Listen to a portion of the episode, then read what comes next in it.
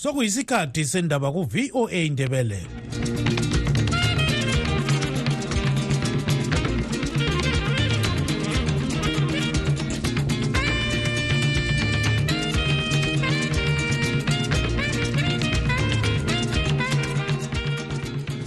lami ngibonge utanono kawande obesipha indaba ngolimi lwesishona. Lingalivuka njani izulu kandaba ulamukela emsakazweni westudio 7 ngomvulo ngelanga lekhisimusi mhla ziku-25 mpalakazi 2023 nguchris gande. Endabeni zethu lamhlanje bekuphithizela emngceleni we-bait bridge inkulungwane zezizalwane zezimbabwe ezihlala kwele south africa zisiyadlala ikhefu lekhisimusi.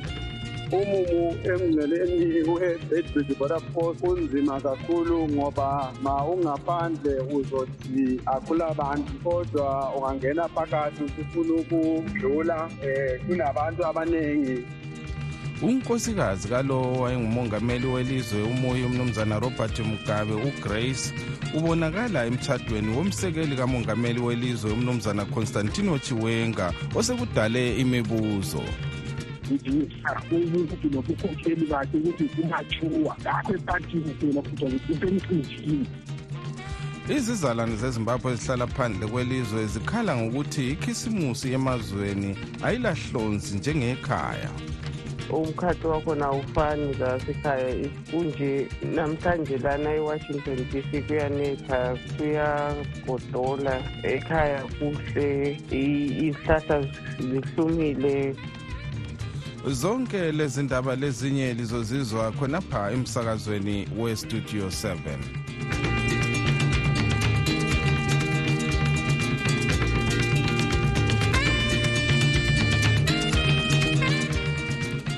bekuphithizela emngceleni we-bait bridge izolo inkulungwane zezizalwane zezimbabwe zihlala kwele south africa zisiyadlala ikhefu lekhisimusi. Umphathintambo wezokwethekelelwa kwelizwe unkosazana barbara rotsi ubesemngceleni lo esithi wamukela abangena elizweni. Lanxa iningi belikhala ngokoma komnotho welizwe inani labedlule emngceleni we-bait bridge kunsukwana ezisanda kwedlula beliliningi kakhulu abanye kade bekhangelele ukufika ngelanga lekhisimusi baze bafika ekhaya izolo ntambama ngenxa yokuminyana okusemngceleni lo. Umphathintambo wezokwethekelelwa kwelizwe unkosazana barbara rodzi ubikwa ubesamukela abantu ebapha izipho esithi ebafisela lekhisimusi. Sixoxe lo mkhokheli wenhlanganiso ye-international cross border association umnumzana dennis juru obesemngceleni lo izolo. Emngceleni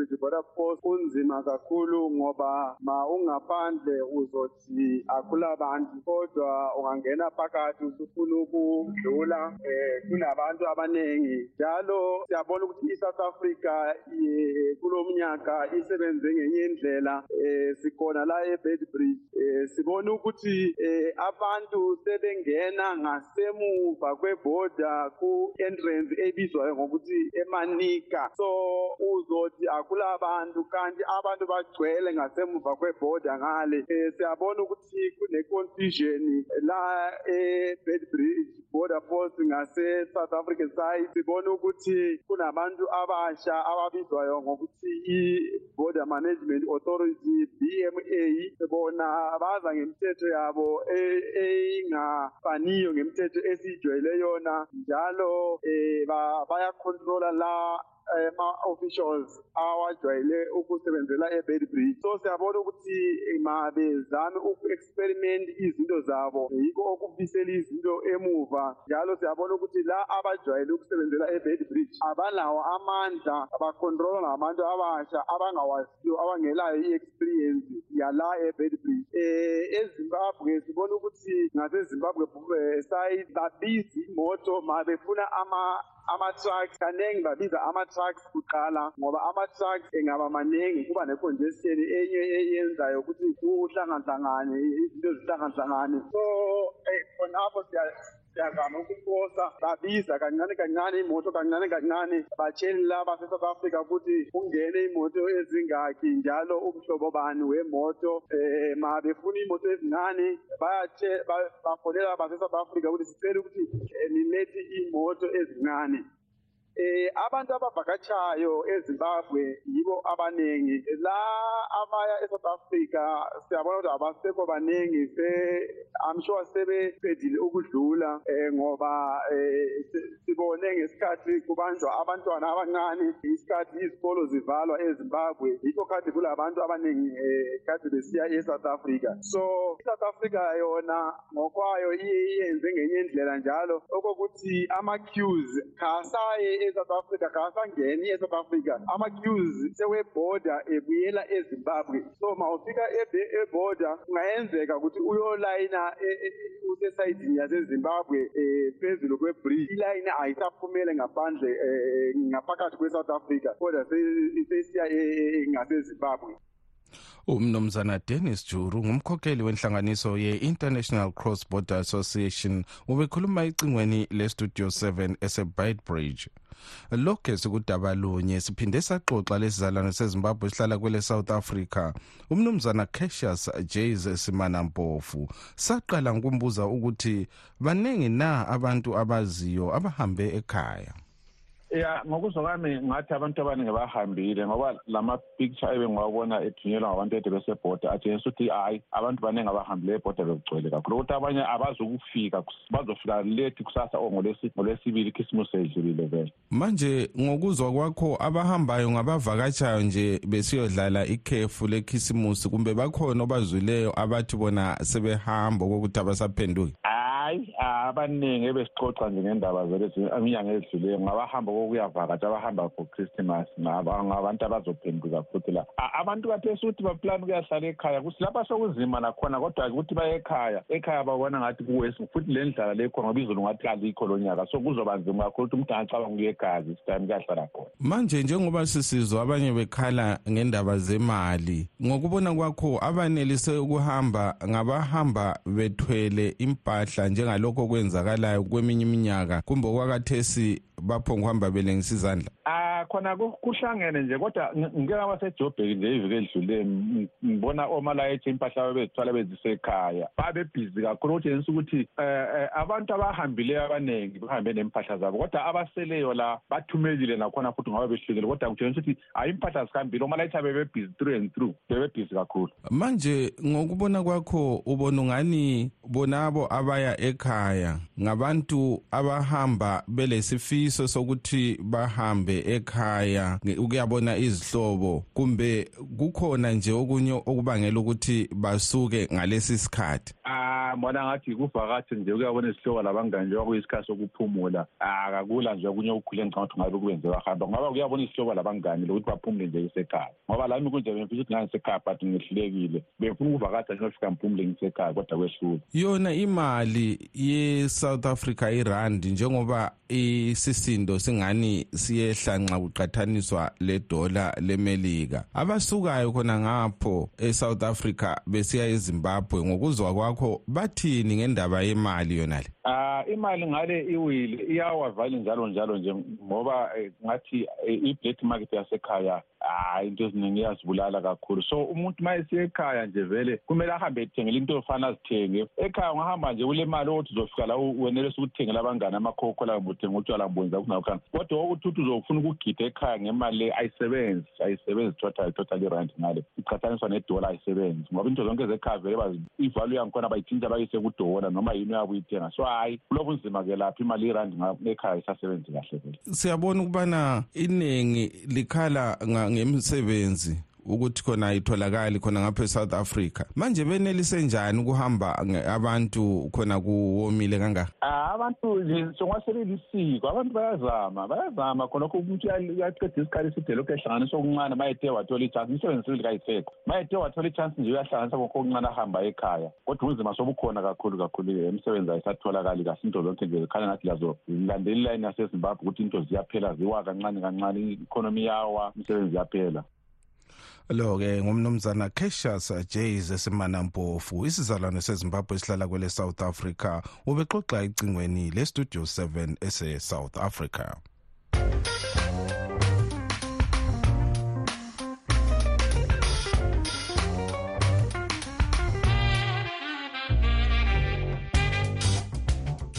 Unkosikazi kalo wayengumongameli welizwe umnumzana robert mugabe ugrace. Ubonakale emtshadweni womsekeli kamongameli welizwe umnumzana constantino chiwenga osekudale osekudale imibuzo.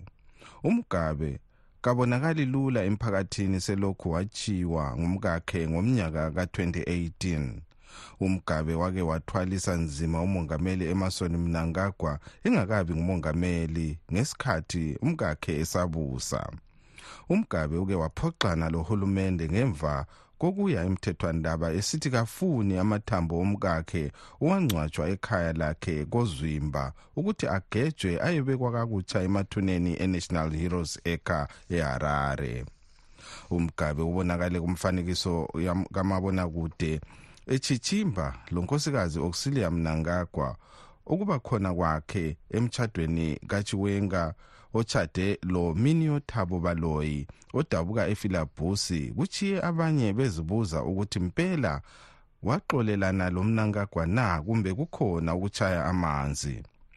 Sixoxe lohlaziya ezombusazwe umnumzana max mkandla njalo walwa impi yenkululeko ukuze sizwe imbono yakhe ngalolu daba raivana raitibhegidha navo kutshengiseni ukuthi liyanathela kasophathi kodwa ngokuthi badinga kachiwenga lentombazana wakhe betshada layo ngalokhu-ke uright fikile bekhona khona laphana. Kutshengisa ukuthi lala qalaqhubi kalanzoko kalasikhwili kodwa kokudakulwa khona njenge ukuthi ngama-right sa khona khona uright sibili njalo uthanda ukumanyana labanye ngakhange laphana lomkakhe udingisa ubuntu nobukhokheli bakhe ukuthi umatshuwa ngakho ephathini phela kodwa usemcinjini kodwa bakhona abathi bona uvikela amaplazi abawaphiwayo lenye inotho ayesaba ukuthi engayekela ukukhanya esondelelana labo engayihluthunelwa. Uthini wena ngalokho? Hayi lokho nje babephosisa abantu ukubona. Kangiboni engahluthumela any property ayenzeli nje alibana yikho khona lokho ngawubonakale emcimbini yamaphathi kodwa lokho kasikho kwephathi phela lokhu umcimbi nje wokujabula bephosisa nje laye ukuthi ebekhona njengesakhamuzi or sesileti so laye laphana kuhanjwa strictly by invitation. So kuthi futhi bebemxusile laye ukuthi kabe khona bengezwi ngihungahunga wasegijima laye esiya kuba khona. So uhambe nge-invitation so lokutshengisa ngokwakhe umuntu ongenasikhwili ngalokho okwenzakalayo. Kodwa politically kangeni kangeni ku-politics zabo. So ukuthi angathathelwa ulutho hale emakhoti leyo labo bona babemthathela babengaqondanga ukuthi bemthathele ngoba nakasilo lungelo lethu. I-property kabangeni layo iyakwazi ukuthi khona bona ngokwabo balama-property ebengwabo kodwa nxa sikhangele khona lokhu kwenzakalayo ungambona na unkosikazi grace mugabe engena kupolitics njengalokhu ayesekwenza ngesikhathi umkakhe esaphila simbone sibili laye engena kumbe kuzanu p f ekhethwa? Ungangena lwana ku-politics kodwa ungangena itshintshile i-attitude. I-attitude kuphela lokho esikuthi thina i-change of mindset yikho kukhona kuphela ukuthi khona kutshintshe kube lotshintsho kodwa-ke ku-politics uzangena eyi-opposition asendlini ephakathi kwaleli qembu elibusayo. Kodwa ungena nje sibili eyi-opposition either by forming i-political party yasepolisi ngobana ngangena ekhona laphayana kuyabe kumningi kuyabe mele so ngibona ngazani hhayi kwezemponompolo lezi uzangena sibili kodwa ngendlela engimbona lokho ngilandela inkulumo zakhe uzangena eyi-opposition nxa usithi uyangena eyi-opposition uyangena eku-ccc kumbe kwelinye nje ibandla? Um nxa ulandelela manengi amabandla avukayo lapha laye njengesizalwane sakhona lapha ulelungelo lokuthi ngengene ebe lokwakha yikho angabe kuhlomile Alo-ke ngumnumzana Max Mkandla ohlaziya izombusazwe njalo walwa impi yenkululeko ubekhuluma icingweni le-Studio 7 ekobulawayo.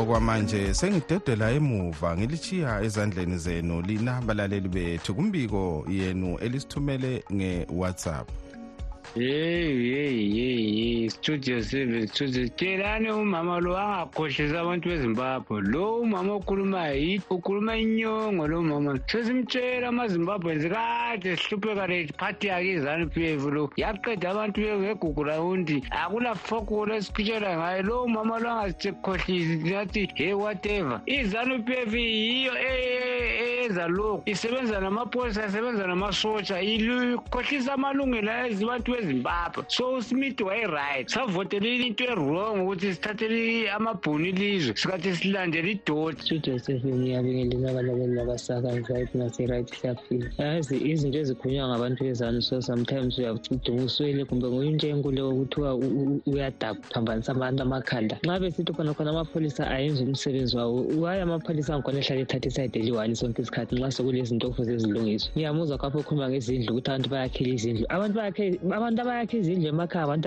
abasekogoli ebotswana abaseko-amerika ngaphi ngaphi bayakha ngemali abasuke batshiza ingane zabo zihluphekile zingelabazali bezama ukuyaphanda yizo izimali eziyakha izindlu akulazane yakhela umuntu indlu. Nxa usithi abantu bayakha izindlu yabanika imali labantu bezane ukuthi bayakhelani nabantu izindlu? Ake lizame ukusihlonipha bakithi. Lisihloniphe sibili sithwele nzima emazweni lapha sibizwa ngamagama esingawaziyo ukuthi achaze ukuthini ngapho nalithi ezimbabwe kuright. Kuright kini lelidlayo into liyasuka studio seven studio seven amavuko amavuko kustudio seven yazi ngile nto eyisimanga nabantu bezana ngabe zoxoxa bethi umnankagwa ilizwe ulithuthukisile ikakhulu emathebeleleni. Thina abantu basemathebeleleni asebenze ezimbabwe thina. Mayebona imizi yakhiwa ekobulawayo ebona emakhaya ngapha siyakha siphakamisa imizi. Ase asekudevelopha umnankagwa siyazenzela abantu bayasebenza phetsheya kobo-amerika kobo-britain kobo-canada kuphi kuphi so abantu bezano bengabozitshela ukuthi bebona siyenza bethi ngumnankagwa odevelophayo ayikho into oyenzayo lo mdala ayikho ayikho. Yebo kukhuluma lokhu yenza izifori lokhu embatha isikhava lesi esezimbabwe uyakwenza lo so izano mna ngazi ukuthi izano mpela leyiphathi yabanjani nje. Ibuka izinto ezingabukekile um bakhangela izinto ezingakhangelekiyo bazenze zibezile kubulala abantu lokuxotsha abantu elizweni. Ya uyenzile kakhulu mna ngakuyabona studio seven studio seven. Sakubona kanye nabalandeli bakho. Vele ngihlale phezu kodaba. Mina lapho ngizathanda ukukhuluma kakhulu ngabantu bakithi abantu besintwini ma ngukuthi sibili ngumuntu wesintwini ulokhu usakholelwa ukuthi abantu basempumalanga kukhona utshintsho abazokuya lalo. Kusho ukuthi uloyiwe oro uyaloya. Ngemva kweminyaka yonke la abantu belokhu bebusa betshintshana khona ngale bona bodwa ubona lokhu sakholela kibo sikuthi hhayi ma singafaka ubane futhi umuntu wakhona ngale. Uzokuza notshintsho hhayi muntu wakithi uyaloya siluloya abantu bakini yeka ngisakhumbula studio seven uletha umhlaziyi ngenye imini umhlaziyi lapho wathi abantu bakithi khonapho ekhaya ipolitiki yabo ngeyabomatholwane yenza njengabontokolosho ukuthi baphonge ulandela nje loba yini. Yeka sikubo-fifty something years kulokhu kungabi lotshintsho ngenxa yokuthi abantu baphonge ulandela kuphela okwabomatholwane. Abantu bakithi asitshintsheni ukwenza. Asike nini sitshintshe umhlobo womuntu la kungabusi umhlobo wodwa. Kuke kubuse omunye umhlobo. Ake nizame ukusekela into zakini niyekele ukusekela izinto zasempumalanga. Danko siyabonga studio seven studio seven njani? Hhayi lo ngobani sitholelo akakhohlwa akasikhohlwa ewazi lethu and ucabanga ukuthi asiboni ukuthi bona badirectwa i-zanu-p f nama-courts ukuthi benze ukwenzela ukuthi indaba uma ifike ekhoti vele ithole ukuthi yilokho vele abakutsheliwe ukuthi bakwenze batshelwa yiwo yiyo futhi ikhoti. Akusiyo ukuthi into abazicabangelayo. Unqobani sithole ngizwe ndifuna nimsondele eduze nimtele ukuthi wajobhela phela nje hayi ah, naye emhlabeni kuncane um, umhlaba lo mncane kabi. Umsakalo ngimbhekile ubona nto ilokhu zenezanu p f le iyali-ona kumbe ilizwe sokuyiplazi lezanu labangani bakhe. Bona bakhipha ama-m p aye-oppositioni ngokungekho emthethweni ephalamenti um eh, barayithi yini khona lapho? Nalombuzo nalowo kuqala ukuthi bona barayithi uma bekhipha ama-m p e-oppositioni ephalamenti barayithi okwesibili um liphi ilanga lapho bavumela khona abantu abantu bezimbabwe ukuthi bedemonstrate peaceful? Into phela bafuna ukube besenza abantu ngani zimbuzi zabo? Kuzaphela konke ngathiwa kumbe ilokhuzene ilizweni sekusengekagogo wakhe lomngane bakhe. Kuzaphela sokuseduze ukuthi kuphele wena msakha wena. Ntunga basakazi? Hayi siyabonga umnyaka suphelile lisisakazela sibonga kakhulu seven silenza lamehlo amhlophe ukusebenza laze lephutsha umnyaka. Sithi impilo ende alibe lempilo ende. Lengena kulana umnyaka libe lokho lisisakazela tunga kulondoda loyana okwangikhipela iprogramu ekamthwakazi entshela ngomumo owelizwe lakithi ukuthi limi njani ingcele yakithi imi njani. Njalo lalaba amamhlophe ibritain eyabuya yenza ngayo ingcebe ngemva kwalokhu ithe sibe siphethele umbuso bahlanganisa ilizwe. Amaprogramu akhe lana ngiyafisa ukuthi engabe uhlale owafaka isikhathi esiningi kungaba kubi nje kwabanye laba bazonda umthwakazi kodwa umthwakazi ngendlela engiyibona ngayo iyaphila. Ikhuluma into ekhona esimele siyisekele sibili ngomumo welizwe lakithi ngendlela elimi ngayo. Kusobala sibili ukuthi sidle ingqoqo zomlomo. Njengathi emathebeleland south hhayi emathebeleland ngathi emathebeleland yonke asilalutho. Ungakhangele inkomo zisegwanti zisemathebeleland okuthi bekumele ngabe sile ibhata esemathebeleland siyenza ibhifu emathebeleland kodwa konke lokho kaku kuliqiniso lokho kukhulunywa ngumthwakazi umthwakazi nisekele indoda lona ngabe sinika inhlelo zona ziyana kawazifaka sonke sise kahle. Studio seven studio seven njani njani nonke basakazi okhulumayo ngumthembo um ngithanda ukukhuluma umama lo kuthiwa ngumanari lo nyamuzi yakhomenta ukuthi ama-opposition afeka ama-adaption. Kanjani ama-adaption? Eyi ngizwa ubuhlungu umuntu ongumama okhuluma kanje umuntu ongumama ozeleyo. Abantu abangumama ngibazi bengabantu abanozwelo so yena ukuthi ngumama onjani ngumama oselahla ubuntu bakhe ngenxa yezanu p f azakhuluma amazwi abuhlungu kangaka abantwana babantu bethotshwa bebulawa. Izanu p f nale yayisapota hhayi kubuhlungu shwali nabantu abangumama nxa sebenengqondo ezinje nenhliziyo ezinje ilizwe aliseyi kulunga akusela nto elungayo elizweni ayisekho into elungayo elizweni. Amazwi akho mama abuhlungu awafanelanga umuntu ongumama. Studio seven studio seven livuka njani? Eyi ngifuna ukuphendula losizo okuthiwa ngumanari wesisi manari ngoba uzwakala ukuthi awukabe ngugogo ukhulele kuliphi ilizwe wona outhi ungaboni thizani bihlupho ukhulele ngaphi? Ngoba the singani uyamiramira susithi zani ayihlukumezi bantu. Ngoba layo sukuzani ukhulele ngaphi? Ngoba i-adaptile abantu bayafa uyakwazi ukuthi izani iyabulala abantu. Ngoba usukuzani ususapota susengani kuthiwa kwakwazi izani iyabulala futhi yazikhohlakele bantu bezani umncane umncane ngempela.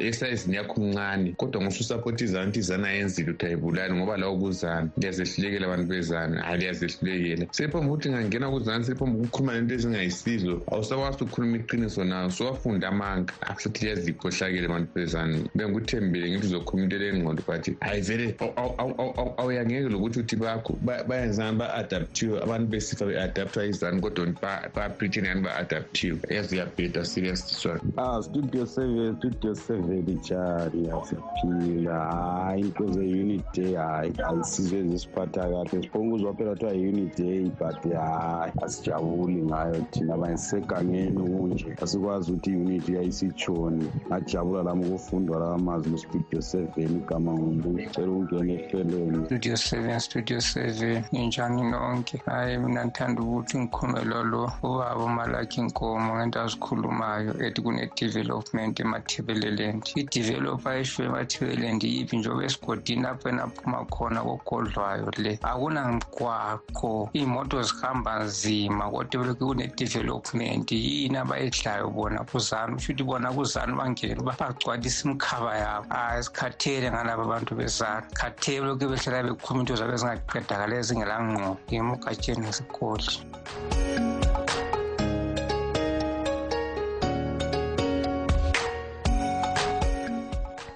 lawo ke bekungamazwi enu lina. Balaleli bethu elisithumele nge-whatsapp kunombolo zethu ezithi plus 1 202 465 0318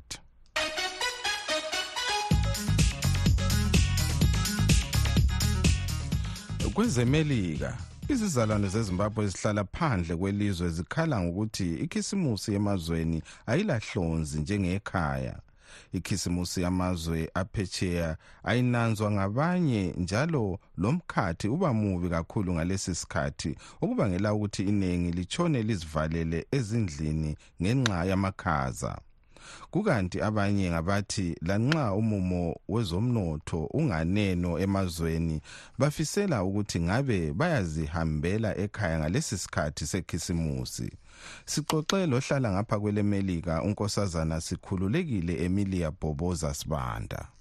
Hayi thina ngapha emazweni sizidlalela nje siya esontweni nje silungiselela nje ukuya echechi nje. Ayifani um lasemakhaya. Ngenxa yokuthi emazweni abanye abayinanzi njengokuba inanzwa ekhaya.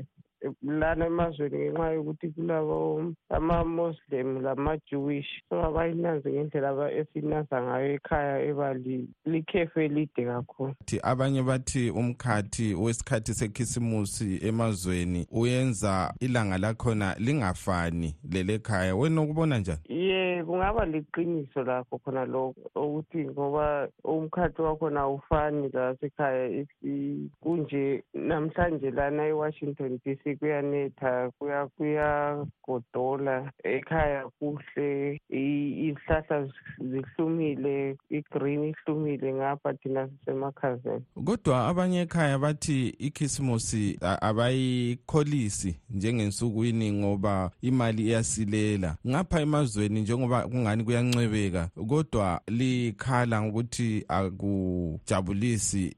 Ungathini wena ngakho? Eyi hayi leyo umbuzo onzima kakhulu ngoba thina ngapha akusijabulisi singatsho ukuthi kufana naloku isinto esithi amajoda awela abangalambisi thina ngapha silamajoda silambisa ekhaya babeyidinga impela ukuthi bajabulele ikhisimusi kodwa bengalakho. Kusho ukuthi yikho-ke lokho okuhluphayo. Angazi-ke indaba yemali ilo uhlupho njalo lakhona lokhu ukuthi izulu lingasani. Kathesi ngalibana izulu laline isikhathi sisesekhona ngalezi zikhathi zabokhisimusi abantu bayabe abaningi sekuhlumile sokulezinto eziningi asebezenzile asebezithola kumahlumela. Kulo nyaka akufani. So indaba yemali eyi mina ibuhlungu yona ngazi ukuthi ingayenziwa njani kwakithi ungafisela ikhisimusi yangaphi emazweni kumbe ekhaya?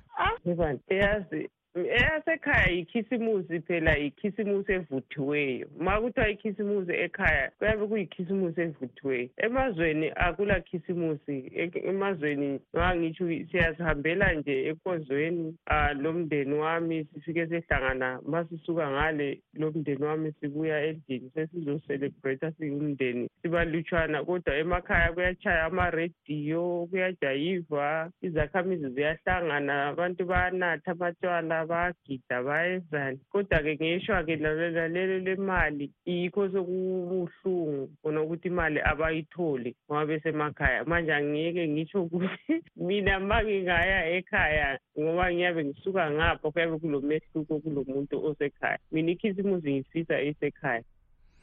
Lo ke ngunkosazana sikhululekile emilia bhoboza sibanda. Isizalwane sezimbabwe sihlala ngapha kwele melika ubekhuluma ecingweni le-studio 7 esewashington dc ngesikhathi senguquko kungacaci kahle okwenzakala emhlabeni.